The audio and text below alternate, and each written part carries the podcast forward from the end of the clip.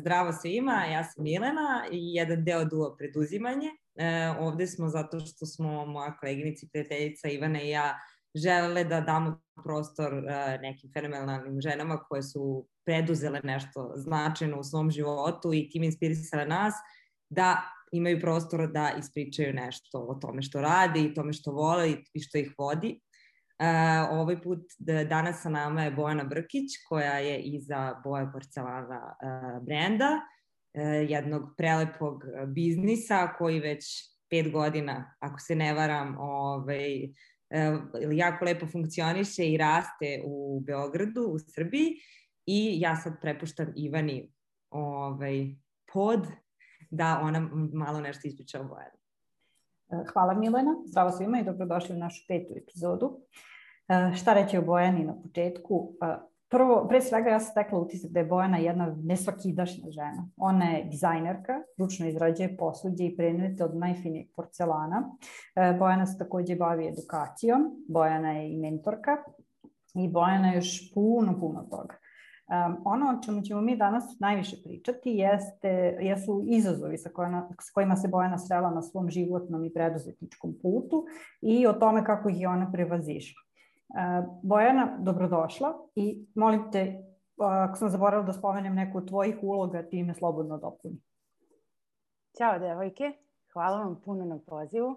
Kad me Milena pozvala, baš sam se obradovala, jer sam se nekako setila, to je zapamtila sam neki naš susret u našoj staroj radnji koji je bio slučajan, ali je ovaj, nekako prerastao u par sati razgovora Ove, I kad me pozvala, ja sam odmah znala ko je. Mislim, nekako kao, aha, ćao. Ove, tako da, hvala vam što ste me pozvale. Pa ja mislim, ništa ne bih dodala. Malo mi je i ovo previše ovaj, u najavi. Prosto, uh, hvala. E, dobrodošla, nama je jako drago što si tu. Ja sam se stvarno jako iznenadila, pošto naš susret je bio pre tri, četiri godine Tako recimo nešto. i ja ne znam da smo se nazvali posle toga srele, sad ja sam ono od tada pratila neki tvoj put i, i znala svašta o tebi, ali prosto nismo imali prilike da popričamo posle toga, tako da stvarno nisam očekivala da ćeš mi se setiti i stvarno se jako lepo osjećam zbog toga. Da, da, sećam se ja lepih susreta, onako neki kao uh, kad hoćeš sve da kažeš, a nemaš vremena. A jeste, jeste, baš da tako životu, I to je strava.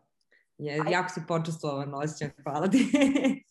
u suštini, pošto nekako jako puno stvari smo i mogli da saznamo o tebi, dobro, iz tog našeg razgovora koji smo nekad davno imale, ali ove, ovaj, i sa interneta i dosta malo zapravo smo uspeli da saznamo o tome e, koja je boja pre porcelana, odnosno šta, čime si se ti bavila i kako je došlo do toga da, da uđeš u ovu priču i zašto. Tako da vola bi malo više da čujemo o tome. Pa, fu, Uh, mislim, pričali smo mi tu priču, iako meni ona nije bila nešto prijatno na početku, ali Rade, moj partner, je insistirao da kao ispričamo realnu priču kakva jeste ovaj, i nekako sam ja bila strašno nesigurna na samom početku, kao aha, pa šta tu koga zanima ko sam ja? Mislim, ja i dalje stojim ovaj, iza toga, zato što ja mislim da ja kao ličnost nisam toliko bitna koliko je bitno ono što mi radimo svi tu zajedno i nekako se trudim da osim ovih um, razgovora koji mislim da su bitni, ovaj, prosto svoj, svoju neku privatnost eh, držim takvom kakva jeste. Ovaj, ali pre, ovaj, pre boje, uh, ne znam, probala sam svašta, svašta sam radila. Uh, studirala sam kineski jezik i književnost ovde u Beogradu. I to mi je nekako bilo, sad kad pričamo o tome, jeste neki deo on, nekog života koji mi se čini da je bio jako davno. A, znaš, ono, kad u životu imaš neke etape, pa ovaj, sad si na jednom putu, onda si napravila veliki zaokret, ovaj, pa ti se to čini kao, aha, pa da, pa i to sam i ja bila. Ovaj, no, no. Posle toga sam bila godinu dana u Kini i to mi je bilo onako jako zanimljivo iskustvo, zato što um, nekako kad odeš mlad uh, daleko i u drugu kulturu, a, ništa ti drugo ne preostaje nego da se snalaziš. Kao, šta možeš, šta znaš. Ovaj, a, posle toga sam se malo probala u, kao ono što sam ja zamišljala da je biznis. Mislim, jako sam pogrešila, ali je stravo iskustvo bilo. Zato što sam tamo radila ovaj, za a, jednu firmu iz Srbije, sam radila prevode. Radili smo simultane prevode, išli smo na sajmove. Ovaj, I onda sam se zaposlila u toj firmi ovde. Ovaj, oni su sarađivali s Kinom. Mislim, to je bilo onako sa jedne strane potpuni promašaj, jer ja uopšte nisam bila iz te priče, a sa druge strane bila jedna divna škola, ovaj, škola za ono šta ne želim da radim. I to je možda bitnija škola nego ovaj, ona kako kažem, ta škola nam pomogne da lakše nađemo ono što želimo da radimo ili u čemu smo dobri, mada to u čemu smo dobri sigurno smo u više stvari dobri osim u jednoj, a onda je strava da probaš tokom života, tokom tih etapa, da se isprobavaš u raznim stvarima, zato što, mislim, ja sa 20, to jest u 20 sam drugačija bila nego kada sam bila u svojim 30 a sada u 40 je potpuno neka druga priča. Ovaj, prosto nekako životno iskustvo i sve i veštine, i znanja, i psihologija u međuljudskim odnosima dosta idu u tvoju korist što si starije. Ovaj, tako da sam a, tu radila možda, možda godinu i po dana i više nisam mogla i to mi je bilo ovaj, onako kao a, jedna odluka na koju sam jako ponosna da mislim da ono, kad, je, kad nešto doguramo do, do jednog, jedne crte da više ne možemo, a, tu je jako bitno da imamo podršku okoline, da to više ne moramo da radimo. Za, zato što kad su loši poslovi i loša okruženja, a, često zaboravimo da je to izbor. Prosto to je meni uvijek bilo jako zanimljivo zato što svako od nas se našao u nekom poslu koji je bez veze i gde su ljudi bez veze i da mi prosto nismo a, meč tu. Ove, ovaj, ali jako lako je. Mislim, samo prestanemo to da radimo. Ali često kad smo u svemu tome, onda te brige od čega ću da živim, kako ću da plaćam stan, a, to nas nekako pritisne sa svih strana i, i tu smo. I to može da potraje jako dugo. Da, o, ja sam da. imala sreću, mama mi je ovaj, pomogla i rekla je, ok, evo ja ću da ti pomognem finansijski dok ne nađeš sledeći posao.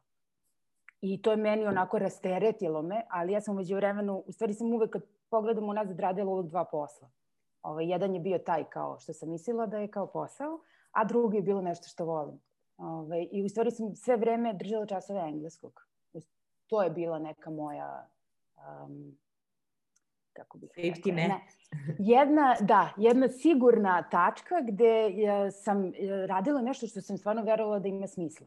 Ovaj, sam prosto pomagala ljudima da a, prevaziđu strahove, i da a, neko svoje znanje a, ili malo povise ili ga modeluju ili prosto da vide, aha, pa vidi ja to mogu.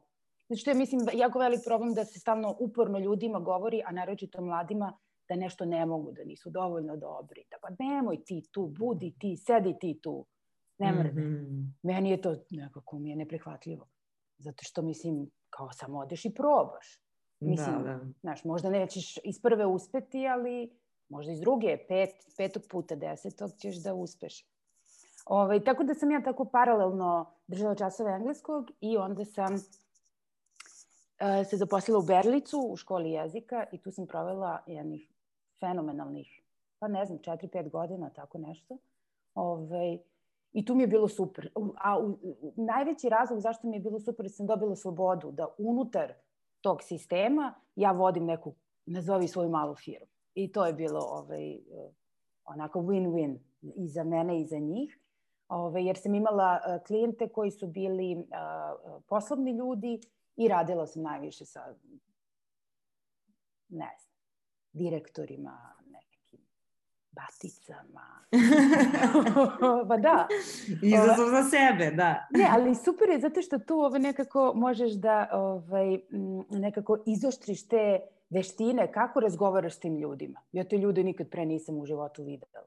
Ko je direktor banke? No. I šta ja imam da pričam s njim. Ali onda nekako demistifikuješ sve to i vidiš da to najobičniji ljudi, najobičniji, najobičnije žene i muškarci koji rade taj svoj posao i to je samo jedna njihova uloga. Mislim, oni svi imaju neke svoje muke, neke svoje porodice. Ovaj, tako da je to nekako bilo strava. I uporedo sa svim tim, ja sam nekako sve vreme išla u atelje. Imala sam mm, jedan atelje koji sam dugo godina iznajmljivala, pa onda neki drugi i to je opet, kako kažem, paralelni život nekog paralelnog života. Kao imam jedan dnevni posao, imam pored još jedan i imam ovo, ovo i treće. I to mi je bilo, kako kad tu, tu sam nalazila mir, zato što ovaj, i taj rad sa ljudima, a, kad provedeš 8 sati, 10 sati priči, pričajući aktivno sa ljudima, mislim, treba ti neki... Apsolutno. treba ti mir, mislim, ako ste vas dve stalno ovaj, u komunikaciji, onda umete da cenite isto. Tako je. E, to je, i to, to je meni bilo najlepše ovaj, svih tih godina pre nego što smo, u stvari, što sam formalizovala ovo kao posao, jeste to da ovaj, odem u taj atelje i tako u toj tišini radim nešto rukama. Mislim, to je sve bilo suprotno od onog šta sam radila po ceo dan. I možda mi je to bilo uvod zanimljivo, zato što mi je nekako pravilo neko... Balansiralo, da. I ta ravnoteža u stvari ti kaže, e vidiš, imaš i ovo, imaš i ovo, možeš... U, u stvari uvek lepo vidjeti da uvek postoji još neki ovaj, način još neki put. Ne moraju uvek da budu drastični neki rezovi, ovaj, što mislim da dosta ljudi nekako i to im je govoreno danas kao preseci. Mislim, nekad se zahteva ovaj, onako jasan rez, o, jer mislim je suština da zaštitimo sebe. A ako, kako kažem, ako volimo to što radimo i uživamo, možda to nije najidealniji posao, ali onda nekako lagano prelazimo na kap po kap, da ono, pređe na ovaj drugi tas. Ove, ovaj, tako da sam ja manje više se tako kretala u tim vodama edukacije dugo godina i ovaj, I to mi je, to mi, to, to je deo i veliki deo moje ličnosti i to mi baš prija. Mislim, ne nedostaje mi zato što sam, uh, mislim da sam se mnogo istrošila u tom. Ovaj, I živela si tu svoju... Preaktivnom, da. Ove, ovaj, I onda sam uh, negde to početkom 30-ih ovaj, odlučila da, um, mislim, to je tako bilo uh, neuhvatljivo, ali ta moja odluka je tada bila kao, e, ja ću sad da se bavim porcelanom. I, ali to je ostalo na tome u početku, ali ja se sećam te svoje jasne odluke da kao krenem ja to da radim. I onda sam tako radila svašta sa, sa, sa porcelanom i to je sve bilo u nekom podrumu u ateljeu koji sam iznajmljivala. Ove, ovaj, ali ja sam to isto nekako, mislim, ja sam takva, ja kao krenem to da radim, ja idem svaki dan od do. I ja svaki mm -hmm. dan to radim. Mislim, Disciplina. E, e, ključ. Mislim, bar u mom slučaju, kao ideš svaki dan. mislim da u većini slučajeva, da. Pa, verovatno. Znaš, to, to kao ideš svaki dan i to radiš i ja sam tu lagano razvijala nešto. To, to potpuno bilo onako u magli, ovaj, ali um, par godina posle, no možda četiri godine posle toga, mislim, umeđu vremenu sam dobila dete I, ovaj, i, I to je nekako veliki preokret i tu se, uh, bar u mom slučaju, se dosta stvari iskristalisalo. Znaš, kao, mnogo ti bude jasnije šta želiš, šta ne želiš, šta želiš da trpiš, šta uopšte ne želiš da trpiš. I tako nekako prođe kroz to sito Ovaj, jel imaš malo vremena u suštini? Da, to? da, da. Jako priori, malo... prioritete da izabereš. Da, malo, to malo vremena je kao, aha, gde ću ja sad ova dva sata što imam free da potrošim? Da, da. Ovaj, onda sam ovaj, našla neki atelje blizu stana gde smo živjeli i onda sam tako išla opet u to moje happy place, da samo nešto tu malo radim. Ovaj, pa onda dođe rade sa, sa čerkom, kolicima, pa onda ja izađem i onda idem u šetnju. I mislim, a, t, t, tako je bilo. Mislim, imala sam podršku da ovaj, jer sam bila super posle toga kad se vratim. Znaš kao, sve može, ajde. Ove, I onda smo um, radi i odlučili 2016. A, da uh, uđemo u taj prostor u Zeckoj ovaj, koji je on našao u oglasima. I meni je tada bilo, mislim, baš velika frka, zato što je bio veliki rizik. Pa gde ćemo, pa kako ćemo, pa ja to ne znam, pa ja to nikad nisam radila. Pa. Ovaj, i, I onda prosto smo ovaj, se odlučili kao majde možemo mi to. I u stvari inicijalna ideja je bila da a, to bude nekako moj prostor. Nije uopšte bio plan da će to da bude prodavnica, da, će, da ćemo time da se bavimo, ovaj, uvek je bilo onako kao ajde da balansiramo, ajde držat ću ja časove engleskog, radit ću tu porcelan, pa ćemo tako da balansiramo. To može da bude jako zanimljivo kao opet neko malo mesto. Ove, međutim, to je ono, čim smo otvorili nekako je puklo u pravcu a, samo posuđa i ljudi su super odreagovali i, i mnogo je bilo teško u stvari na tom početku zato što prvo ne znaš šta radiš. Sve je novo. Ne znaš, mislim, ideš iz dana u dan, ovaj, a, radiš najbolje što umeš. Um, u tom trenutku je naša čerka imala godinu i po dana, bila onako mala i dosta je sve to bilo uh, veliki pritisak, zato što je taj osjećaj da nigde nisam dovoljna, da se ne dajem nigde dovoljno i mislim da to svaka mama prepoznaje kakav god posao da ima, ovaj, da na poslu nije 100%, a ni kod kuće nije 100% i to te uvek grizete savest, ovaj, stalno si u tom nekom. Tako je. Ja, ovaj, ovaj, I ti se tako osjećaš. Da, ja imam dvoje dece. Onda se duplo, tako da duplo, da. Znaš, možeš misliti kad radim od kuće, to je strašno. Niti radim, niti sam sa njima, tako da... E, da, da, pa mislim zato da, to je, to je negativna strana ovoga. Ove, ali dobro, mislim, ono, kao tu smo da, da uradimo najbolje što umemo. Ove, ali da, taj početak je bio poprilično dosta žrtve sa moje strane. Ove, I tako, mislim, išli svaki dan na posao, ovaj, pa nam je onda dete krenulo u vrtić i onda mi se rade pridružio. Onda je bilo mnogo lakše zato što sam automatski taj jedan ovaj, veliki deo posla njemu prebacila i tu je negdje smo odlučili da ćemo u stvari budemo partneri. Ali Super. da, pre boje Mislim, sam isto ovo bila ja. da, da, da, ne, samo zato što, mislim, boja je tako veliki deo boja porcelana, ali postojala boja i pre toga i onda je to, mm. to nekako bilo logično prvo pitanje, odnosno nulto pitanje. Da, da. Ovaj, meni je zanimljivo što si spomenula da ovaj, sa, sa svojim partnerom si u stvari i poslovni partner. Uh, da li smatraš da je to prednost ili mana? Kako, kako to sve izgleda kada je to sve pomešano i porodice i posao? Mm. Da li tu postoje neke granice i uopšte kako se sa svim tim boriš?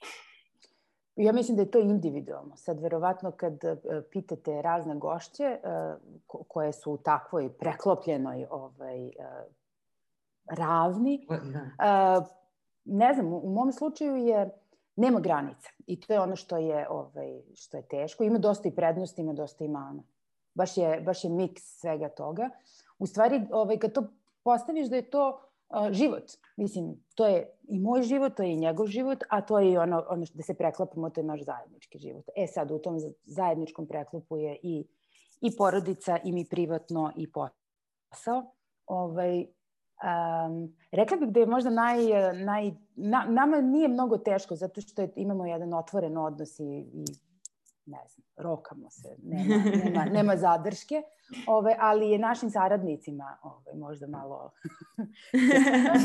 zato što o, i to sam skapirala da ove, poslednja devojka koja je nam se pridružila pridružila se timu, znam da sam je upozorila da uopšte ne obraća, proba da ne shvata ozbiljno ovaj, te razgovore, zato što tu nema ono, izbriše se zaboraviš da si na poslu, zaboraviš. Da, da, da. da. Zab Previše se sve preklapa da bi vi u tom trenutku mogli da razdvojite, kažete sad smo jako profesionalni. Mislim, pa nema, pa ne, ne znam, da. mislim, svaka čast onome ko to uspe, to je... Ne, mislim, a... to je... Ja sam, ja sam imala kratku situaciju da sam ove, i živela i radila sa, sa svojim tadašnjim momkom i to je stvarno bilo, mislim, meni nekako čak taj deo rada bio lakši, ali ostaviti posao i otići kući koje smo i radili i živeli na istom mestu, taj deo je bio baš, baš težak i zapravo sam tu shvatila da kao, ok, jedan deo možda može da funkcioniše u, u tom našem slučaju, ali ovaj drugi nikako onda nismo mogli da, da, da skrekujemo kako, zato što je prosto bilo neophodno odvojiti se fizički mm. od nečega od čega se fizički nisi odvojio. Tako da baš je... Ne znam, meni, mislim kao, s jedne strane baš lepo, zato što e, ono, oboje verujemo u tu stvar koju radimo i tu onda je, kako bih rekla, daleko više emocija ulažemo u ono što zovemo poslo. Ajde da se držimo te strane. Ove, ovaj, ali m, možda bi pametna stvar bila kad bismo umeli da utišamo strasti u trenutku nesuglasica, ovaj, to bi bilo sjajno. to, je, to je nemoguće. U idealnom svetu. da. Pa dobro, tu smo da stremimo ka to. Naravno, naravno.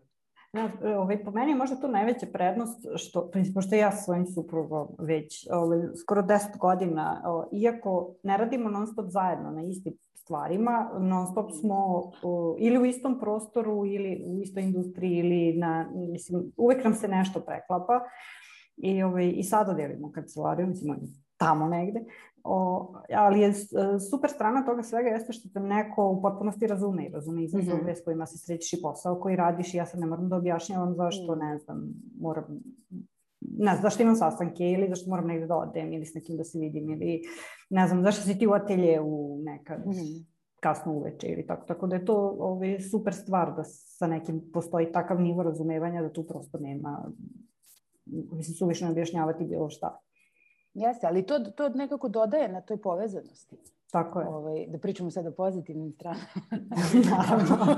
ovaj, mislim da dodaje na, na povezanosti to što kažeš na, na razumevanju. Ovaj, a i ne znam, meni je ta vera u nešto jako bitan element. Ovaj, da, da možemo da se, da se razumemo, da dajemo sve od sebe za, za to u šta verujemo. Ovaj, to je sad ta lepa, lepa strana. Um, nekako to funkcioniše, evo, mi smo sad u petoj godini i to je Super. Nekako u isto vreme, što je možda sad je le, još možda najlepša stvar, u isto vreme gajimo i dete i firmu kao drugo dete. I, i stvarno imamo takav odnos. Ovaj, imamo takav odnos i prema poslu i prema mušterijama i prema saradnicima i a, prema boji kao ono, drugom detetu. Ovaj, imamo potpuno taj, taj odnos i, i mislim da je zbog toga u stvari smo i tako i emotivni i ostrašćeni i umemo da štitimo to jako. Ovaj, a, tako da, kao, kao prema detetu. Mislim, vidjet ćemo kako će ovaj, kad dete poraste ovaj, i kad ode od kuće. Mislim, sad stalno pričamo o tome kako je firma u stvari ona, entitet za sebe, mi smo samo tu da joj pomognemo da, mislim sad je prohodala, sad već malo trčkara, tako da, ali kada ona bude punoletna, znaš, možda nas firma izbaci, kaže, e, neće više ovih da. Sad mogu sama. Pa to, mm. mislim, vidjet ćemo. Ove, a kad smo kod tog nekog odrastanja a, firme i, i vas i svega toga, meni je, pošto sam slušala drugi podcast u kom si ti gostovala, pa su se tu pominjali, pominjali neki važni datumi, pa sam tada da te pitam da, da nam i ovde ispričaš šta, šta za tebe znači 1. septembar i sad simbolično i to neko odrastanje, odlazak u školu i sve to. Ove, mislim da ima još, još mnoga neka značenja za tebe, pa, pa bi volala to da čujem. A vidiš kako se to nametnulo. Mislim, znaš, to ništa nije bilo planirano, ali je lepo kad prepoznaš neku simboliku koja te prati. Da, 1. Da, da, septembra smo otvorili prvu radnju. I uh, ja sam bila presrećna što je to bio 1. septembar. Ja sam bila kao pravi školarac koji kreće u školu, onako i nervozna i sve to. I ovaj, imali smo tad baš lepo otvaranje. O, I to mi je, mislim, to, to je u stvari pravi početak nečega. Kao, nije 1. januar, nego je 1. septembar. Tad da. krećeš u školu, tad se svi vraćaju sa odmora, tad grad ponovo živi. Da živi, da, to je onaj lep prelazak, kao, svi su se vratili, svi su lepi po crni. svi su lepi i konačno vidiš one koji su ti nedostajali. Kao da, baš... a svi su sretni zato što su kao, znaš, malo negde yes. i vratili se i još nisu onako pali kao, o. Da, da, i stigneš da se zaželiš, a i opet je to kao početak i sve te neke stvari koje ti vrlo brzo posle toga dosade yes. ili su ti naporne, u tom trenutku ne deluju tako. Pa da, ali da... smo tako naivno, mi svakog 1. septembra imamo isti taj. Je! Uh, Da, i onda smo, ovaj, m, ispostavilo se da, da je ovaj drugi prostor ko, ko, koji smo, u stvari, gde smo počeli da radimo 1. septembra 2020. Iako je trebalo da se desi mnogo ranije, ovaj, eto, nije. E, tako da m, je opet bilo i onda mi je tako to pravi onako milestone, taj, taj 1. septembar. Ove, I onda to verovatno i kretanje u školu, o, kad, kad se desi i to odrastanje, a, nekako je lepo. Mislim, emotivno je opet. Ove, ove, kad smo kod škole, Meni je bilo najinteresantnije, mislim, ok, studirala si kineski jezik i verovatno si bilo fascinirana kineskom kulturom i, i svim ostalim u vezi sa Kinom i onda mi je bilo jako interesantno što si napisala na, na tvom blogu sajtu u stvari, pa u sekciji o nama, da kada si otišla u kinu da se jako razočarala. Šta se to tamo tako strašno desilo? To je onako baš zaintrigiralo. E pa ne znam, meni je taj, taj period tamo, mislim sad opet, to je kao da pričamo o nekom petom životu od danas, je u stvari bilo, um, znaš kad si mlada i tako imaš viziju da je svet nešto a, i, i nekako mi je bilo to dok sam studirala um, sam zamišljala taj život u Kini sa svim tim vrednostima koji onako kroz istoriju ti vidiš kod njih u njihovom društvu, da je to jedno mesto pa boga mi drugačije i možda lepše od ovog mesta gde, gde smo mi. Ove, ovaj, onda odeš tamo, mislim, moja, moja nekako, taj veliki nekako udarac, šamar u lice, kao gde si pošla videti, je u stvari bio taj nešto što je najverovatnije odrastanje, Ovaj, tu da nema nikakvih, uh, uh, ne znam, ideala. Nema, ne postoji ništa što je tako lepo kao što sam ja zamišljala. Kao, aha, vidiš sad su... Ne, u, ono što je mene tada dočekalo, a, a, a opet moram sad da se ogradim, ja sam bila tamo 2005. i 2006. To znači pre 15 godina. Da, da. Ovaj, a, sada je to verovatno drugačije, ne znam na koju stranu je otišlo, ovaj, ali je bilo dosta brutalno brutalno u smislu Realno. opstanka. Aha. Znaš, kao šta znaš? Mislim, mi smo otišli tamo na faks, uh, ja i drugarica, mislim, dosta ljudi je odavde tada išlo tamo. Ovaj, I onda kao moraš da nađeš neki posao, jer mislim, moraš od nečeg da živiš. Uh, I onda te svi pitaju, ok, pa šta ti znaš da radiš? Kako sam završila kineski jezik i književnost. A oni su bili u fazonu, mm, ok, šta znaš da radiš? Pa kao, brate, ništa ne znam da radim. Mislim, tada sam nekako to izgovorila. A, I ono što sam ja videla jeste da kao su dolazili mladi iz drugih zemalja, gde se kroz um, obrazovni sistem kombinovalo ekonomija i kineski jezik. Mm -hmm. Prava i kineski jezik. A kineski jezik je tu služio kao neki, kako bih rekla, a, neka dodatna veština. Znači, to Alat. nije bio nivo, da, to nije bio nivo gde ja sad mogu da, ne znam, komuniciram o raznim temama, ali mogu da razumem ovog drugog, a pritom sam profesionalac u, u još jednoj oblasti, ovaj, o, prosto se ta, ta, takav čovek traži.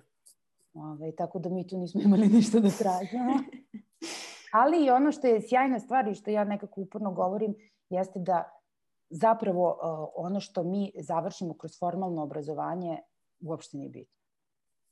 I to je nekako, čini mi se, ono što učimo u 21. veku jesu prava znanja, ono znanja koja, koja kao možemo i umemo da primenimo negde šta to bilo. Da li je to došlo kroz hobi ili je to došlo kroz ne znam, večernju školu ili samo zato što uh, nas je jako zanimalo pa smo sedeli i učili ovaj, o tome i postali on, super zainteresovani za to i željni da istražujemo i dalje a, nekako sam sve bliže tome da, da formalno obrazovanje, mislim, ne sme da nas odredi.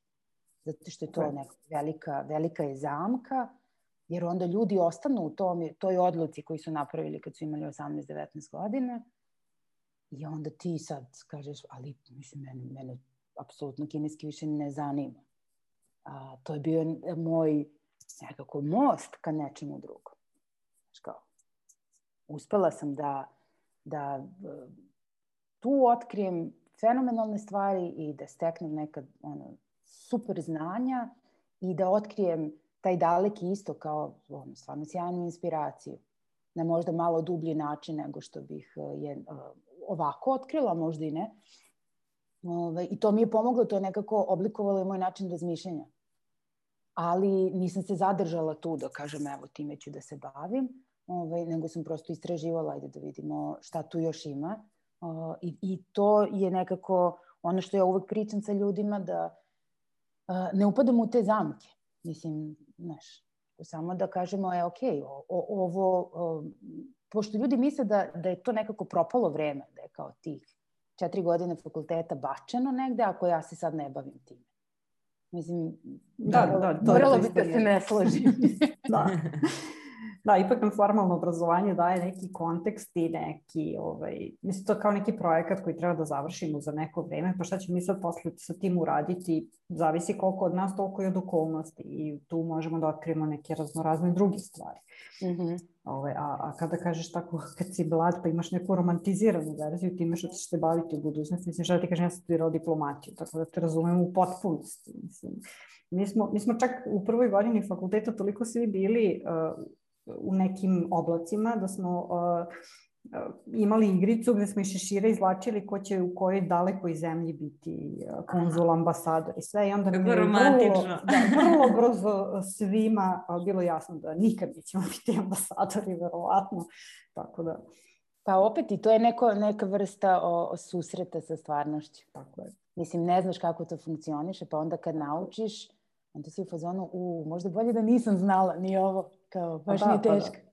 Pa da. Ali opet, to, s druge strane, dobili smo tu neki jako širok okvir i videli da tu postoje raznorazne mogućnosti, tako da je ovaj, opet ti sa, sa iste neke naše fase generacije svako otišao nekim svojim putem koji je onako vrlo interesantan, tako da mislim, opet formalno obrazovanje je eto, kao neki framework gde ti posle smestiš ono što Ja bih voljela da, da nekako, ali to se ne dešava, možda je to na nama da, da malo utičemo na to. Vola bih da se nekako u tom formalnom obrazovanju a, deca i mladi uče, a, uče razmišljanju.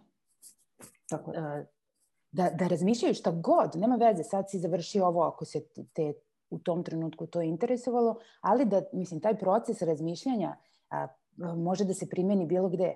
To je ono a, primenjivo znanje. Ovaj, to fali svima, ja to vidim, ja to vidim kod sebe nekako uh, i stalno imam, ne znam, malo mi je žao što nekad neke stvari prosto, uh, čak i ako me nisu interesovale, da zašto nisam malo pročačkala, jer mislim da bi mi, mislim, bilo kakvo saznanje i bilo kakvo ovaj, nove informacije su super za otvaranje uh, prosto da ne gledamo samo ovako, nego da možemo da, da se izmaknemo i da vidimo zaista široku sliku ovaj, iz koje dalje možemo da učimo. I onda to tako se samo gradi. Jeste, jeste, da, ovaj, mislim, ja se nadam da, da će se to još malo isto menjati i da će ono, pratiti ceo ovaj napredak svega živog, pa, pa da će se onda i taj neki obrazovni sistem malo prilagođavati sad. Imam školarca, tako da nećemo tome. Dobro.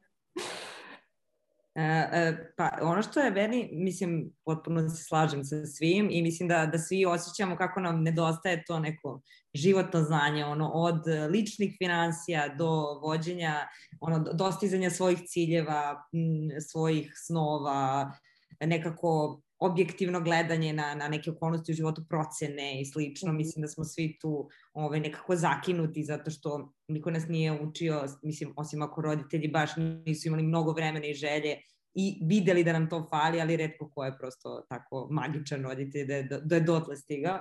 Ali ono što je suština, mislim da da nekako kroz te izazove na koje ne ilazimo, onda učimo te stvari, zato što mm. moramo da ih naučimo. Tako da jedna od bitnih stvari na koju se mi osvrćemo, mislim, u, u podcastu i u samoj organizaciji koju, koju vodim je kako, koji su to izazovi i na koji način ih prevazići u ovom slučaju u biznisu. Tako da mm -hmm. mene zanima koji je neki, sad ne moraš da izabereš jedan, ali možda neki prvi koji ti pada na pamet, veliki izazov u, u vođenju boje gde, gde si ti zapravo, koji si prevazišao iz koga si mnogo naučila. Mislim, verujem da ih je bilo mnogo i verujem da su svi oni bili korisni, ali ne znam, možda imaš neki koji bi izdvojila.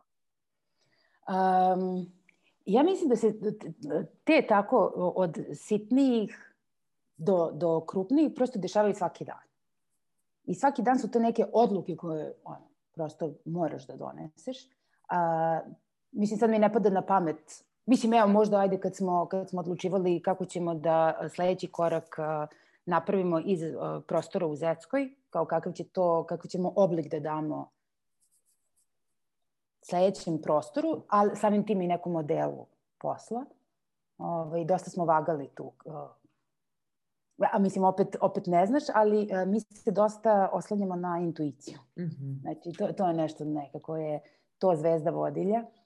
A, to je taj osjećaj koji imamo da treba da krenemo na a, jednu stranu.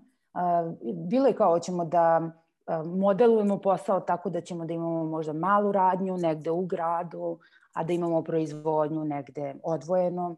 Ili ćemo da tražimo neki prostor gde će da budem ja, onda da imam još jednu saradnicu, to onda opet nije bilo ono što osjećamo da je najbolji način da mi se da mi komuniciramo sa ljudima.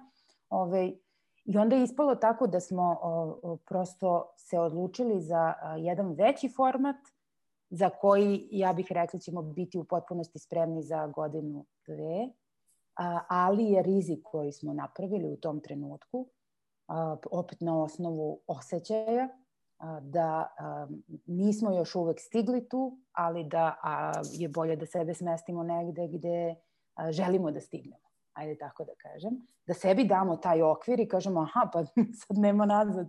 Znači, sad da, moram, moramo da popunimo ove cipele koje smo stavili. Da, da idemo samo napred. Ove, ali to je, to je ja, svaki dan su neke odluke koje nekad meni teško padaju. Pa ih onda prebacim Radetu, a onda on meni vrati. ok. Ove, Ping pong. Da, ali je e, jako bitno da e, pri donošenju odluka uvek e, imamo jasan, jasno polje na kom stojimo i na osnovu čega donosimo tu odluku. Znači, rekla bih da to ne sme da bude na nivou pa ajmo sad onako, bez... Opet u našem slučaju ni preterana analitika, jer prosto to ne funkcioniše kod nas a, mi smo dosta kao, kao firma, do, mali smo i brzi smo i možemo brzo da menjamo stvari i ja to mnogo volim i baš cenim što ovaj, ne, tu ne postoji nikakav red veličina koji kao mora da se pitaju, nego a, dosta je organski i ono što a, ljudi kad dođu kod nas, ono što vide, a, to je ono što mi jesmo. To je nekako kao predstava uživo. Ove, ovaj, tako da, da je, Pa skroz. Tako da je, ove, u stvari to, uh, izazovi su svaki dan, um, ali ako dolaze iz te jedne tačke koja je iskrena i koja je poštena, onda ja mislim da su i odluke donesene na tom nivou dobre. A, baš, bi da, baš bi da se nadovežem, ovaj, zato što tačno, tačno ono što sam tada te pita me nekako sledi.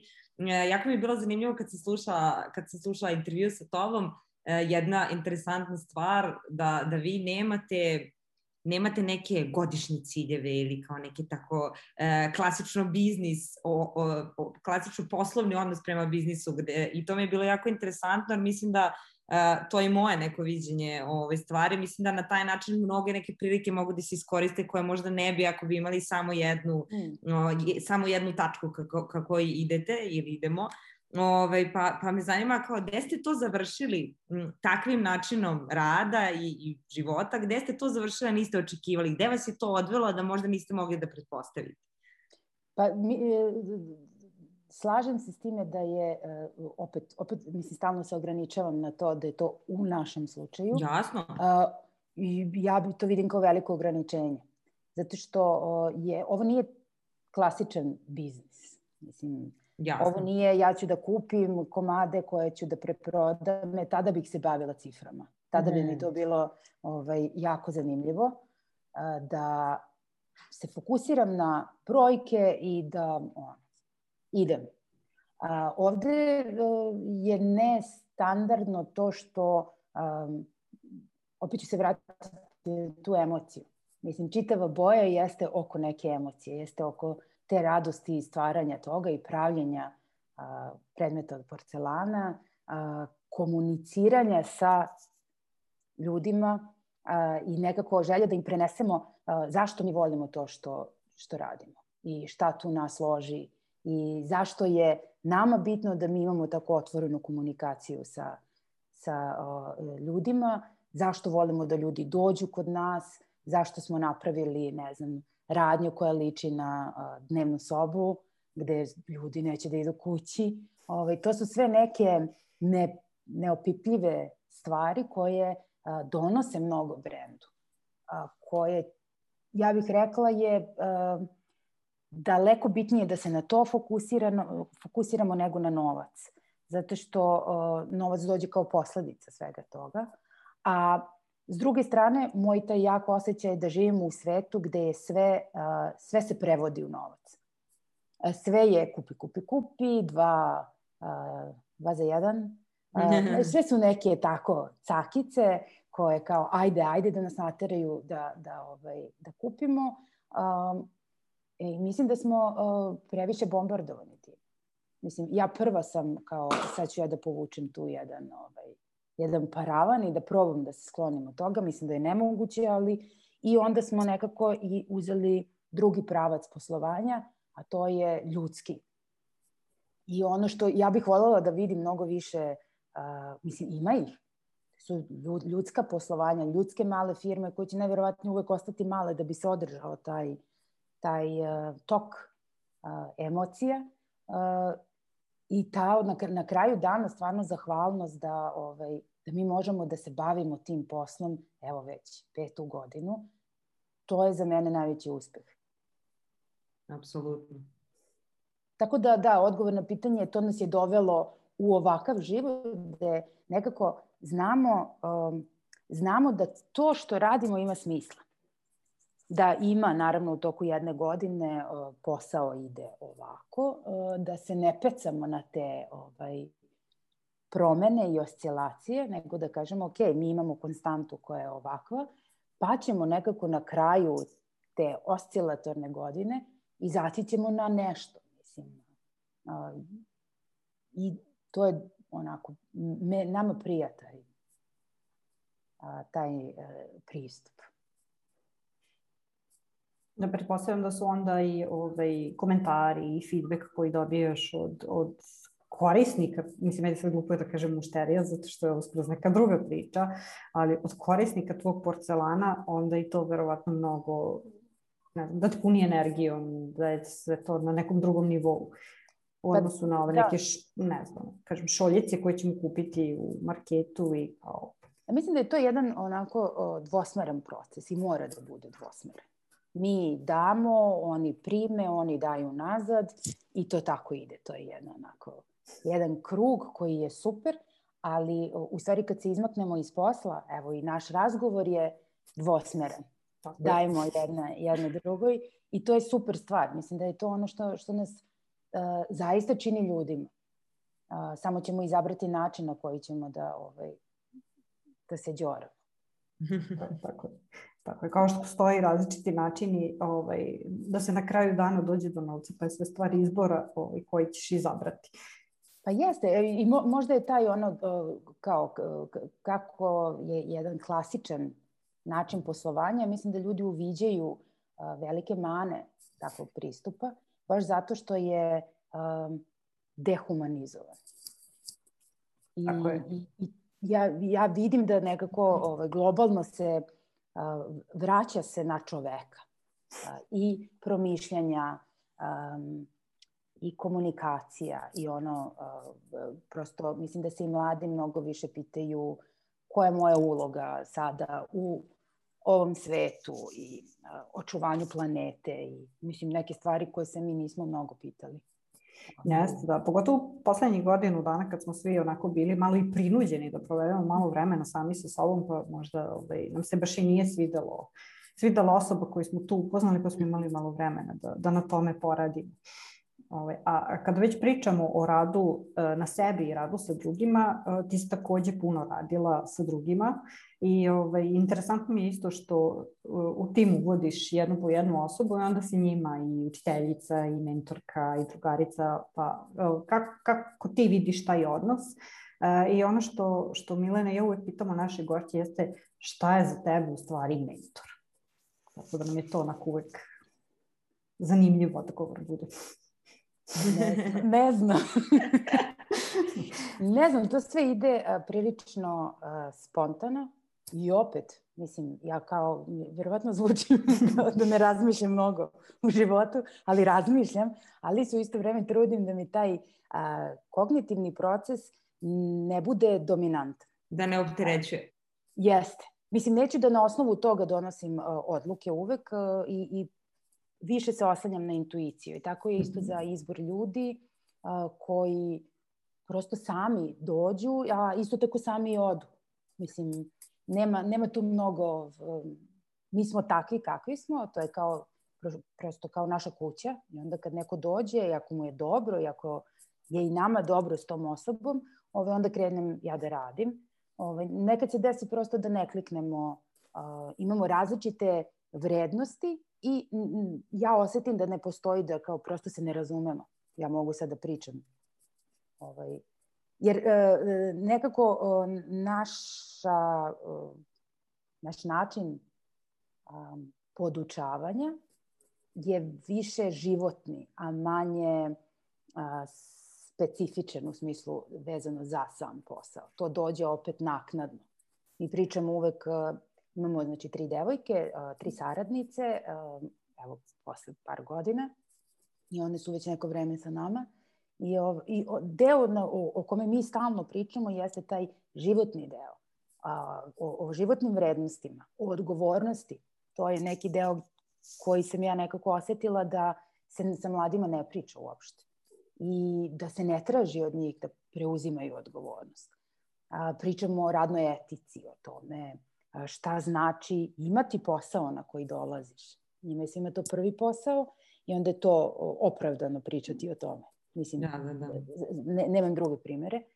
Ove, ovaj, pričamo o, a, o tome šta mi tu zapravo radimo. O tome da mi a, naše stanje dok mi to pravimo je neka energija koju će neko osetiti a, i u konačnom dizajnu i u konačnom ono, 3D obliku jednog predmeta, da li je to šolja, da li je to tanjir, a, šta je prihvatljivo, šta nije prihvatljivo. A, mhm. pričamo dosta o, a, o nekim, to, to sam skoro nekako a, a, skapirala, da pričamo o nekim fundamentalnim stvarima koje bi trebalo a, ili da budu unutar porodica ili unutar nekog obrazovanja, tipa kao sad sam na faksu, pa mi razgovaramo o etici.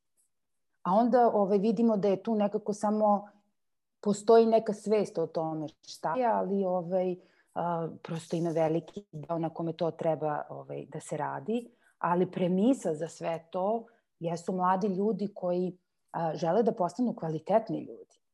Znači sad je moje nekako ono što podcrtavam stalno je sasvim nebitno da li si sada ovde ili radiš neki tamo posao. Ono što ti donosiš tu, to si ti sa svim svojim sistemom vrednosti, sa a, preuzimanjem odgovornosti, da, a, da pokažeš a, a, da želiš nešto da naučiš, da ne čekaš odobrenje od nekoga. To je nešto, opet da se nadovežemo na ono formalno obrazovanje. To je nešto što nas uče da treba da tražimo da, da, da. odobrenje od nekoga. Zapravo, ako imamo jasan sistem vrednosti, gde, mislim, jasan sistem vrednosti u, u, u smislu ja poštujem tebe, ja poštujem ove onda ne treba da tražiš, onda nećeš napraviti neku glupost. Prosto moraš da imaš, da si jasno sa sobom zašto si tu i šta te tu motiviše, ali da uh, veštine koje ćeš na bilo kom poslu steći nisu limitirane samo za taj posao, nego su široke. I, I mislim da nekako ljudi treba da se bave uh, š, um, životnim, životnim vrednostima na bilo kom poslu, jer onda olakšava posao i sledećem koji će da zaposlite ljude. I, I onda pravimo malo bolje društvo na evo, mini doprinos, ali uh, ja zaista verujem u to da um, osposobit ćemo nekoga da samostalno donosi odluke. Da ne kaže, ja, je, pa ja to nisam znala, to, to nije moj posao. Nije ja ne mogu, apsolutno. da, ja ne mogu da podnesem to, to, to nije moj posao. Zato što posao nije ovakav.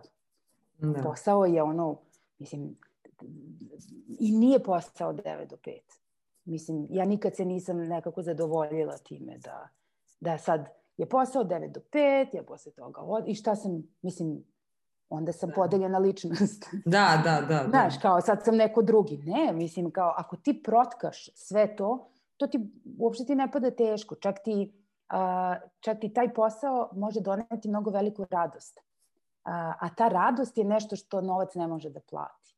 A ta radost je uh, u stvari zadovoljstvo postignuće. I to je ono što jasno vidimo kod male dece. Znaš, kad malo dete nešto uradi samo, ono se ozari u potpunosti. To kod njih stvarno jasno vidimo. Da, I onda kad da. to vidiš kod odraslog čoveka, da si mu dao prostor da a, sam uradi nešto i da je zadovoljan ovaj, svojim radom, ja mislim da je to u stvari onda kao, možeš da kažeš da si dobar mentor. Mislim, ja s druge strane ne mogu još uvek za sebe da kažem da sam, da sam dobra mentorka, zato što još uvek učim, još uvek sam a, preostrašćena. Ove, onako sam, dosta sam emotivna u svemu tome i onda dosta se nerviram i patim i besnim i tako. Um, opet je to neko stišavanje tih, ovaj, tih osjećanja, uh, jer prosto um, najbolji način komuniciranja sa ljudima sa kojima ovaj, radim jeste da uh, mirno, bez ekstremnih emocija mogu da iskomuniciram šta je dobro, šta nije dobro, šta je ok. To smo uradili. Kod mene je jako bitno da uopšte nema to kao ko je kriv. Mislim da to ne, ne vodi ničemu. Ove, uopšte nije bitno ko je kriv. Evo, svi smo, svi smo krivi, svi smo krivi. niko nije kriv. Ali je bitno, ovaj, stvarno kao konačna, najbitnija stvar je da li je taj naš konačni proizvod dobar. I šta to donosi našem klijentu, mušteriji, gostu, Ovaj, da li smo njih razočarali? Ako jesmo, svi smo krivi. Ovaj, I nekako se stvarno vodimo uh, time da svaki dan dajemo ono, sve od sebe, da bi to konačno šta god daje boja i čime god da se mi bavimo, ljudima donelo neku radost, neku promenu. I onda u tom smislu sasvim je svejedno ko je pogrešio, ove, ali ono što je meni bitno jeste ok, grešimo i keramika je takva da ćeš e, hiljadu puta pogrešiti na stvari koji si deset hiljada puta dobro uradio. To je neverovatno. Ovaj, I nekako, ako zagrlimo to kao, to je tako, to se dešava, sve ok, ovaj, ali mora da postoji volja da se uči da se bude bolje. Jer mislim, kao bez mhm. volje ništa radimo.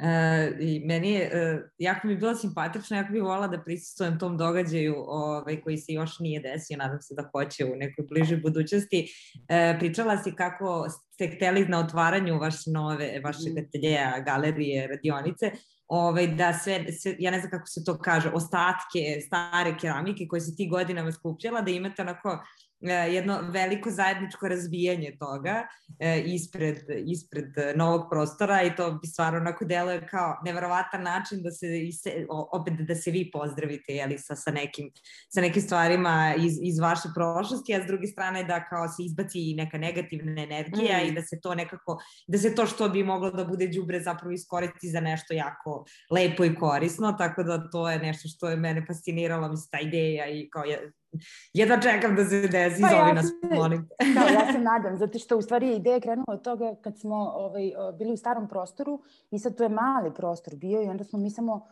kao skupljali nešto što je škart zapravo. Mislim, nešto što pukne, a to je sastavni deo proizvodnje. I ovaj, onda je Rade jedan dan došao sa idejom kao, e, ajde napravimo onako uh, veliku lupanje kao porcelana. Kao, zašto? Zato što jeste to jedan katarzični trenutak, gde da, prvo da. ljudi će da kažu, pa gde si, si normalan, da ja se, ma neću ovo da razbijem. Kao, znaš, ne Lepo. Da. E, ali kad razbiju, to je to otpuštanje u stvari šta god, šta god ti je teško. Ovaj, a ima i onaj kad brod kreće, pa ti ovaj, da, da, da, razbiješ, pa kao sa srećom. Ovaj, I onda smo to planirali za, za novi prostor ovaj, u Carigradskoj. A, međutim, nije bilo ni žurke, nije, samo smo otvorili onako najskromnije na, na planeti kao, u, super, evo, prešli smo. Ovaj, I uh, u stvari uh, većina tog škarta mislim, nešto nismo mogli da ovaj, nosimo sa sobom nazad, ali mislim, to se svakako stvara. Dok ne dođe taj trenutak, mi sad radimo na jednom mini projektu ovaj, komada koji su pukli, tipa tanjir koji se ovako raspolovio i hoćemo da napravimo neko kao a nije to ni popravka za neke zidne instalacije, ali prosto da a, ja imam veliki one, etički problem bacanja toga, jer to se ne uništava. Da, da, da. da. A, ima sad jedna nemačka firma je radila a, recikliranje a, gline.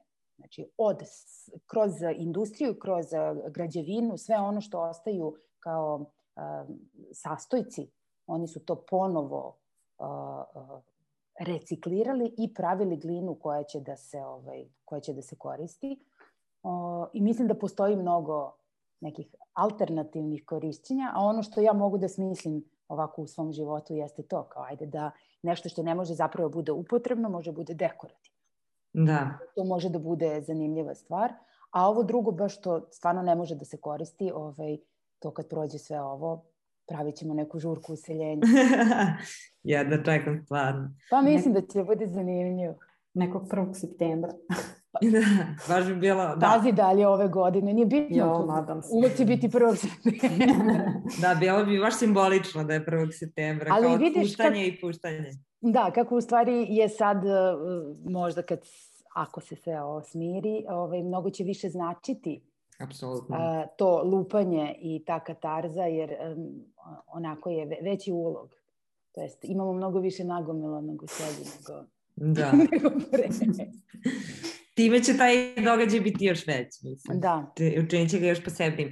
E, nešto na što se uopšte nismo osvrnuli kroz ovo, nekako smo se malo više fokusirali na biznis, mislim, uopšte to što vi radite je umetnost koja je igram slučaja uh, upotrebna, koja može da, mislim, koju mi možemo da koristimo u njoj da uživamo. Ove, ovaj, i, I mene negde zanima kako, si se, kako ste se ti porcelan pronašli? Mislim, kako, kako je došlo, zašto baš porcelan? Mislim, šta on tebi predstavlja i šta ti njemu predstavljaš?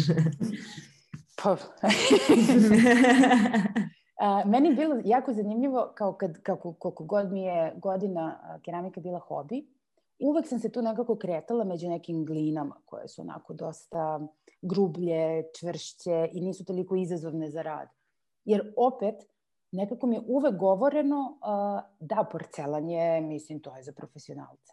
Aha. A, to je kao, kao što imaš ono, uvek nekoga ko ti ka, pa dobro, pa ne to, pa to za pa to. Da, da morala si školu, školu samo za to, inače ništa od toga. Da, da, da, da, kao to se ne pipar, to je mnogo da. teško za rad. Mislim, zaista jeste teško za rad, ali nije nesavladivo. Ovo, e, opet da se vratimo na početak, to je ona disciplina. E to je kao, sad ću da radim, pući će. E opet ću da radim, pući će. I to je tako trajalo. Ovaj, I prosto uh, u toj frustraciji nekoj uh, pronalaze se jako dobre rešenja i praktične i kreativne rešenja. Ovaj, uh, ne, za mene je porcelan učitelj najveći. Ja bih rekla onako životni učitelj, zato što je na oko jako primamljiv, zato što je beo i zato što je prelep E, za rad je jako težak zato što moraš da nekako traži od tebe da a, svoju, svoju veličinu, svoj ego ugasiš. I da uopšte nije bitno ko si ti sad tu, nego su bitne tvoje ruke i veštine tvojih ruku. O, da pratiš porcelan, jer materijal sam govori a, nama koji radimo sa, sa, sa tim materijalom, sam govori šta može, šta ne može. A, ja mogu da imam neku ideju kao sad ćemo da napravimo ne znam šta. I ok, evo ti probaj, ja uzmem, probam, to mislim, ništa ne valja. A, I to se mnogo puta dešava. Nije, mislim, ja dosta eksperimentišem ovaj, i mi ovaj, u proizvodnji dosta a, probamo novih stvari. A, tretiramo materijal na drugi način, a, pokušavamo sa raznim Mislim, nisu to nikakve inovacije, ali za nas jesu neki, neki novi putevi šta možemo tu da uradimo. Ovaj, ja bih rekla 80% ovaj, je potpuno bez veze. A, a od tih 20%, 20% ima potencijala. A opet od toga možda 2% a, zaživi. tako da je i učitelji i, i velika frustracija koju samo treba zagrliti, ništa drugo. Mislim, zato što iz te frustracije možemo mnogo da učimo. Stalno učimo nešto kao šta može, šta ne može. A, I naučio me je porcelan skromnosti. A, baš me naučio da budem jako ovaj, skromna i da stvarno budem srećna što imam tu priliku da, ovaj, da se ovde i u, na ovom mestu i u ovom vremenu bavim nečim što se, a, rekla bih, uopšte ne, nekako ne priznaje kao posao, neš, kao biznis. Ja sam, a, nekako sam skapirala ovaj, kad smo bili u Zeckoj, u tom prvom prostoru, smo bili u nivou ulice i ljudi su gledali neku ženu koja tu nešto radi. I meni je bilo fascinantno ovaj, a, sa tako određene nekako visine ovaj, tako pa da, pa to je neka žena koja tu nešto radi. Ono, apsolutno, apsolutno nije bitno ovaj, šta je. Ali je, u, stvari, meni najbitnije što smo pokazali da ovo može da bude posao. Samo ga tako treba postaviti. I da u stvari, u liniji toga, bilo šta može da bude posao. Ako imamo disciplinu, ako imamo volju, ako ne očekujemo rezultate preko noći, a disciplina jeste taj vojnički, ja svaki dan idem na posao i ja svaki dan radim ovo bez izuzetka i dajem svaki dan najviše od sebe i onda mislim kao možda ne vidimo rezultate odmah ili ne vidimo rezultate ni posle par godina, možda kakve smatramo da treba da imamo, ali i tu je ključ tog, um, kako se kaže, um, to da, da mi smatramo da, da nama nešto pripada. Mislim, kad se otresemo toga da nama ništa, mislim, nema šta da ti pripada. Uh, to je onako, to se meni jako dopada u ovom poslu, taj jedan zen budistički motiv koji se stalno provlači, to je to brojanje pirinča. Ti sad ideš svaki dan na posao i brojiš pirinače, to je tvoj, ovaj, to je tvoj posao. Nema sad tu ništa, ništa wow i ništa ovaj, kao, ja, blago tebi. Ne. Mislim, mi tamo metemo, mopiramo prostor, državamo ga čistim, a, mešamo s nekim mešalicama, oklagijamo po ceo dan, prljavi smo, ovaj, eto, od jutra do mraka, ali lepotu koju nađemo u tome je stvarno a, jeste neki, a, ono što, znaš, ljudi zovu poziv. ti si sebe, ja sam sebe našla ovaj, tu i to je za, zaista za mene ono srećno mesto. I pazi, ne bih se uopšte menjala. Uh, I mislim da kao je stvarno veliki uspeh kada nekako nađemo to svoje srećno mesto u poslu, jer to je ona stara priča, onda posao ti ne bude više posao, da ima stresa, da ima problema, kao stisnete muka, kako ćemo, šta ćemo, neizvesnost. Mislim, evo, prošle godine nam je pokazala šta je neizvesnost. Ovaj, I svi smo imali taj izbor, ili ćemo da kao o, strašno, a? ili ćeš opet da, da nekako opet ponizno staneš i kažeš je ok, sad je tako i ja ću i dalje da radim koliko mogu da radim i opet ću najbolje od sebe da dam, jer onda kad sve to nekako prođe, e, zaslužimo da možemo da, ovaj, da se bavimo tim poslom. I stvarno, to, to stvarno jeste u bilo kom poslu, je da se nekako trudimo da svaki dan zaslužimo da to radimo, jer jako brzo može da nam isklizne sve što mislimo da nam pripada i šta ćemo onda da kao, znaš, propo sveta. Mm, da. Tako da to brojanje pirinča je sjajna stvar.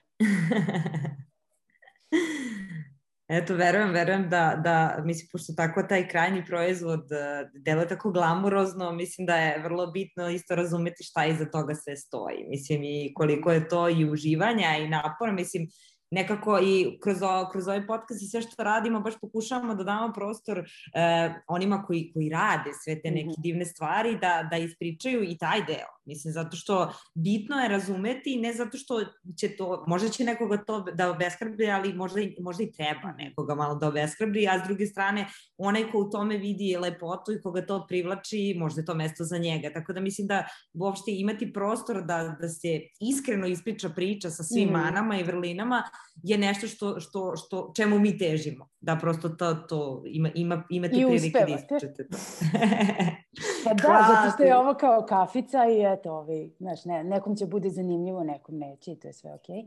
Ali si potpuno u pravu za to da um, i najbolji način kako ljudi u, zaista nauče nešto jeste da to probaju. I to je u stvari uh, prostor koji smo mi nekako napravili da kroz radionice dajemo ljudima mogućnost da probaju. To je da njihovo telo proba šta to znači. Jer jedno je da mi pričamo i jedno je da neko kaže aha, pa dobro, pa mislim mora da preteruje mi to tako ovaj, teško i naporno, ali kad dođe na radionicu i dva sata oklagijaju, seku, buše, a oni su u fazonu, o, a vi ovo radite svaki dan?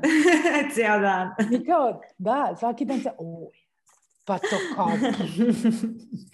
E, i to je uh, sjajna stvar kad, kad nađemo način da uh, umesto rečima nekako delima ljudima ovaj, objasnimo i pokažemo, um, neko se baš primi da neko kaže aha, u, ja bi to. Ovaj, mi onda ljude kao prosto preporučujemo škole keramike koje su se odredile da se bave time. Mi smo kao samo ono sample. Da, da, uvodi čas. Može. Aha, znaš kao, ako ti je strava, evo idi dalje. Ovaj, zato što mi se čini čak i, i ako je hobi, ne mora sve da bude posao, a, ali i ako je hobi, keramika je prelep hobi.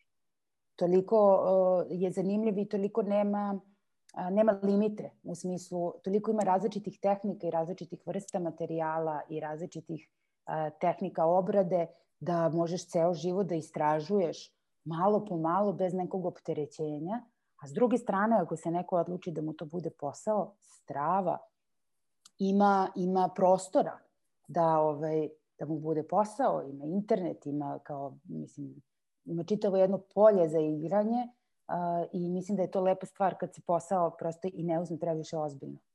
Ovaj, znaš, nego ostane kao, evo da se igramo i, i da uživamo u tome. Jer čim postane preozbiljno, znaš, to je onda... Da. A pogotovo kad je nešto gde možeš da budeš toliko kreativan kao sa, sa keramikom. Pa verovatno. Mislim, znaš, možeš da budeš kreativan i ono kad uh, držiš časove engleskog. Iako bi ljudi rekli kao, jao, pa da, ne. Ne, nego samo je, samo je ono, pristup koji odabereš u stvari, u stvari bitan, da se ti tu igraš, onda se vidiš i ti odrasli ljudi igraju. I njima je kao, pa šta kao, e, mi nismo danas ništa učili. Ja kao, ha, ha, ha. da nismo ništa učili. Ove, skriveno, da, pa da, da, to je to najbolje. skriveno učenje, znaš, zato što kao i generalno svi smo navikli na onu vrstu učenja, je sad sedi, otvori knjigu, da. a tvoj mozak odmah kaže, o, ne, ja neću da budem da. ovde. A ako ti radiš sve što si isplanirao, ovaj, a, a da kao taj neki formalni deo se nije, knjige se nije izvadila na sto, ti si opet svoj cilj ostvario, a ovaj, taj neko kaže, pff, super mi je bilo, a pa tek posle skapira da je nešto naučio. Tako da, ovaj, e, mo, možda i to neka vrsta mentorstva, ono, kao predlog za mentorstvo, ne znam. Da, sigurno da jeste, ovaj, pogotovo što Mislim, ne znam, evo recimo mi, ovaj, na, naš posao je takav, mi puno pričamo, puno pišemo, malo stvari kreiramo prstima. Mm -hmm. I onda je meni fascinantno kad imam priliku da nešto radim prstima, gotovo nešto tako gnjecavo i da može svašta da ispadne, kao što je recimo keramika i onda uh, se, prosto fasciniram samo sebe kad vidim, wow, moji prstići su ovo napravili, to mi je onda super.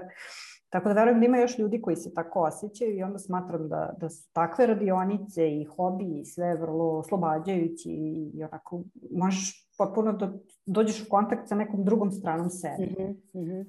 Ali to je lepa strana koju nekako opet na, su nam previše govorili da to o, nije neka strana. da. Znaš kao, šta to, to, to je tako obično. ti da živiš od te strane. Da, da. Pa da, da, da. Mislim, Mislim da, e, hvala Bogu, pa nekako sad dolazimo do toga, mislim, moj prvi posao je bio nešto što sam ja želela, mislim, to je bio digitalni marketing i ja sam tu mogla i da dizajniram i da pišem i da pričam s ljudima i da tako neke stvari koje ja, kad dok sam studirala, apsolutno nisam mogla da zamislim i onda sam shvatila samo tada kao, da sam nekome pričala da bih htjela da radim sve ovo zajedno, prvo bi mi neko rekao to ne postoji, drugo bi rekao, mislim, kao previše, ta, zašto bi ti kao izaberi jedno, zašto moraš sve i onda mislim da taj moment da kao sad toliko možemo da, i ono, i ono čime se igramo može da nam bude posao što si nekako ti jako lepo pokazala, ali s druge strane i ono što nam je posao sa tim možemo da se igramo, mislim taj neki dualni odnos toga je užasno bitan, ali to je samo stvar pogleda na to. Mislim, to ono što si ti reka, kao igrati se možeš i sa, sa stvarima koje ne deluju tako kreativno. Da, ja, ja mislim da je, da je u stvari to neka poruka koju prosto i, i deci, a i mladima treba komunicirati sa njima, da u stvari najlepše stvari nastanu iz igre. Ali igra ne podrazumeva da nema odgovornosti. mislim, nasuprot, igra podrazumeva najveću odgovornost. Jer, to, kako kažem, to ja sam, ja sam, ja, ja smišljam pravila igre, ja sam odgovorna za svaki neuspeh. E to nema kao, aha, je pa on je kriv. Ovaj. Uh, I onda je u stvari to, to da, rekla bih, u stvari življenje života. Zato što, kao, to je moj život, to sam ja, uh, likom, imenom i prezimenom i uh, ajde, ajde da vidimo šta, da li ja to mogu nešto da radim i kako ću ja to da uradim. Ove, ovaj, a opet i ne očekivati previše od sebe i to zaista mislim. Znaš, zato i mi ne postavljamo neke ciljeve ovaj, u poslu, uh, ono što si me pitala kao na godišnjem nivou, više to radimo ono, aj ne baš dan za dan, ali na mnogo kraćim nekim relacijama, uh, zato što uh, kad se zaigraš, ti možeš da odeš u potpuno drugom smeru. I ne mora uopšte da znači da kao ovaj prvi nije bio dobar. Možda jeste bio dobar, ali ja nisam spremna za taj u tom trenutku, nego sa menom je skroz tamo i strava mi je tamo. Ovaj, I onda u toj eh, dinamici postoji uh, to veliko polje koje prosto ne treba bude zanemare. Tako je. Pirinač. da. Evo tako.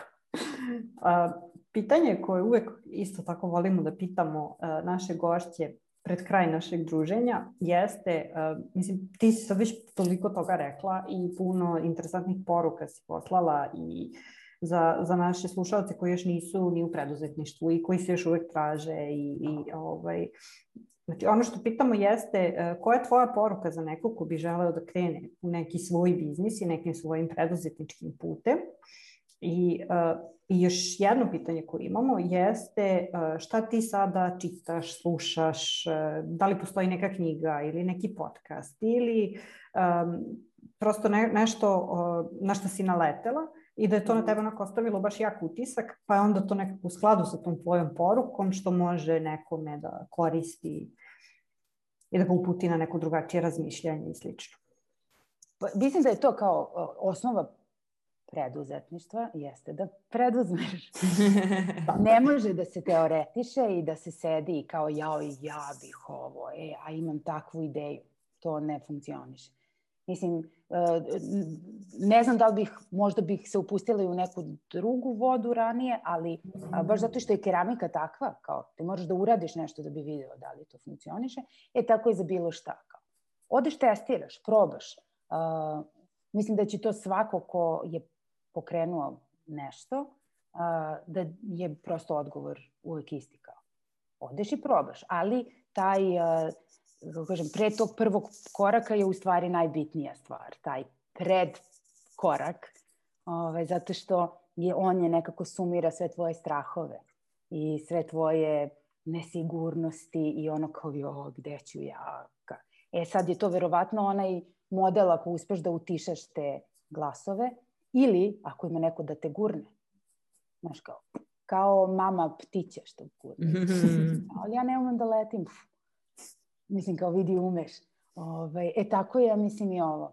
A, ono što sam pre par godina ovaj, otkrila jeste um, da u stvari uh, najveća neka uh, znanja dolaze iz, um, kako se to kaže, nekih oblasti koje nisu direktno vezane za preduzetništvo, za biznis, za...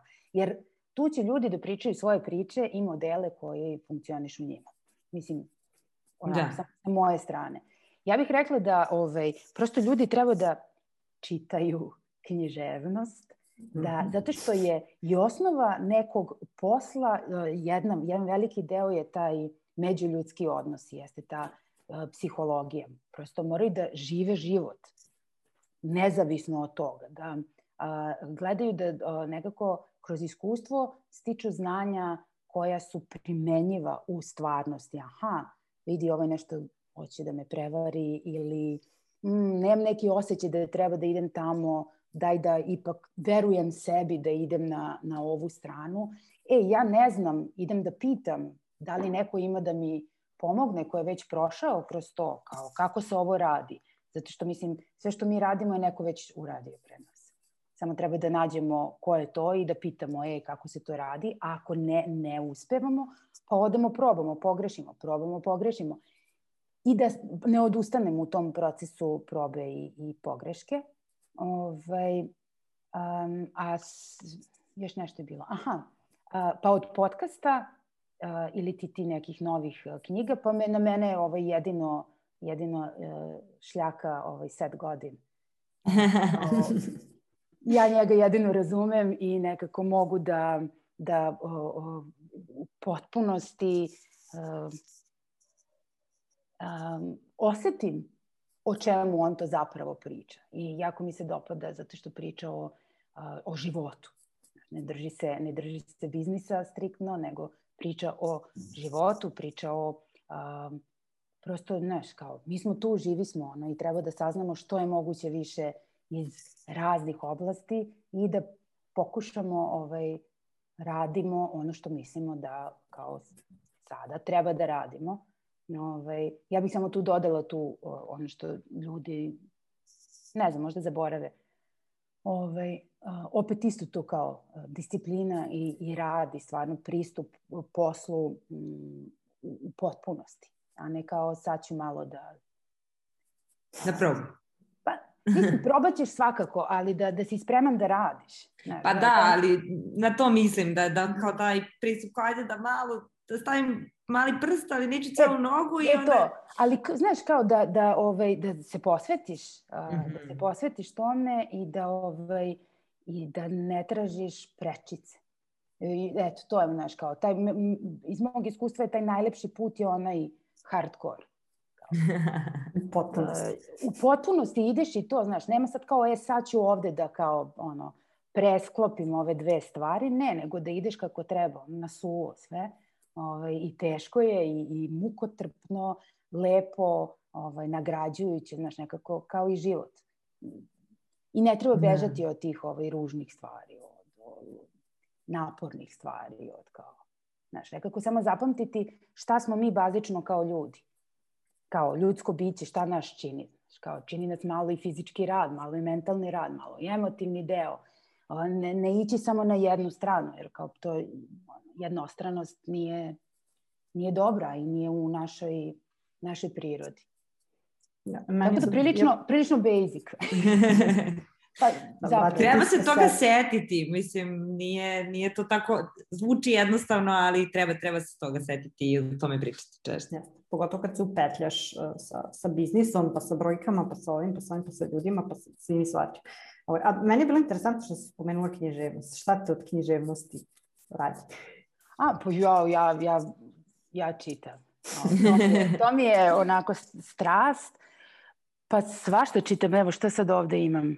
Um, da, dobila sam na poklon uh, neku knjigu uh, nekog Japanca, pošto sam sad u svemu ovome uzela da učim japanski, to mi je kao uh, ventil. Ovaj, I baš zato što sam tako blizu bila kroz Kinu, a u stvari su to kao apsolutno dva različita sveta, imaju neke dodine tačke, jezik im je potpuno drugačiji. Meni je to dobro mentalna vežba učenje jezika. Zato što da, je da, neka da. matematika i neko mapiranje koje ima svoje zakonitosti i to mi je jako zanimljivo da otkrivam ovaj, zakonitosti nekog jezika. A sad kao japanski nešto ono, apsolutno za mene nelogično, ali ono, polako. E, da, čitam nekog uh, svecu uh, Janagija. Ove, ovaj, on je bio tip koji je ovaj, početkom 20. veka u Japanu se izborio za kraft pokret, to jest onako da govorimo ovim modernim jezikom, znači za zanatlije da se formalizuju, da se priznaju. On je ovaj, sa još nekim ljudima otvorio taj muzej Craft Museum u Japanu.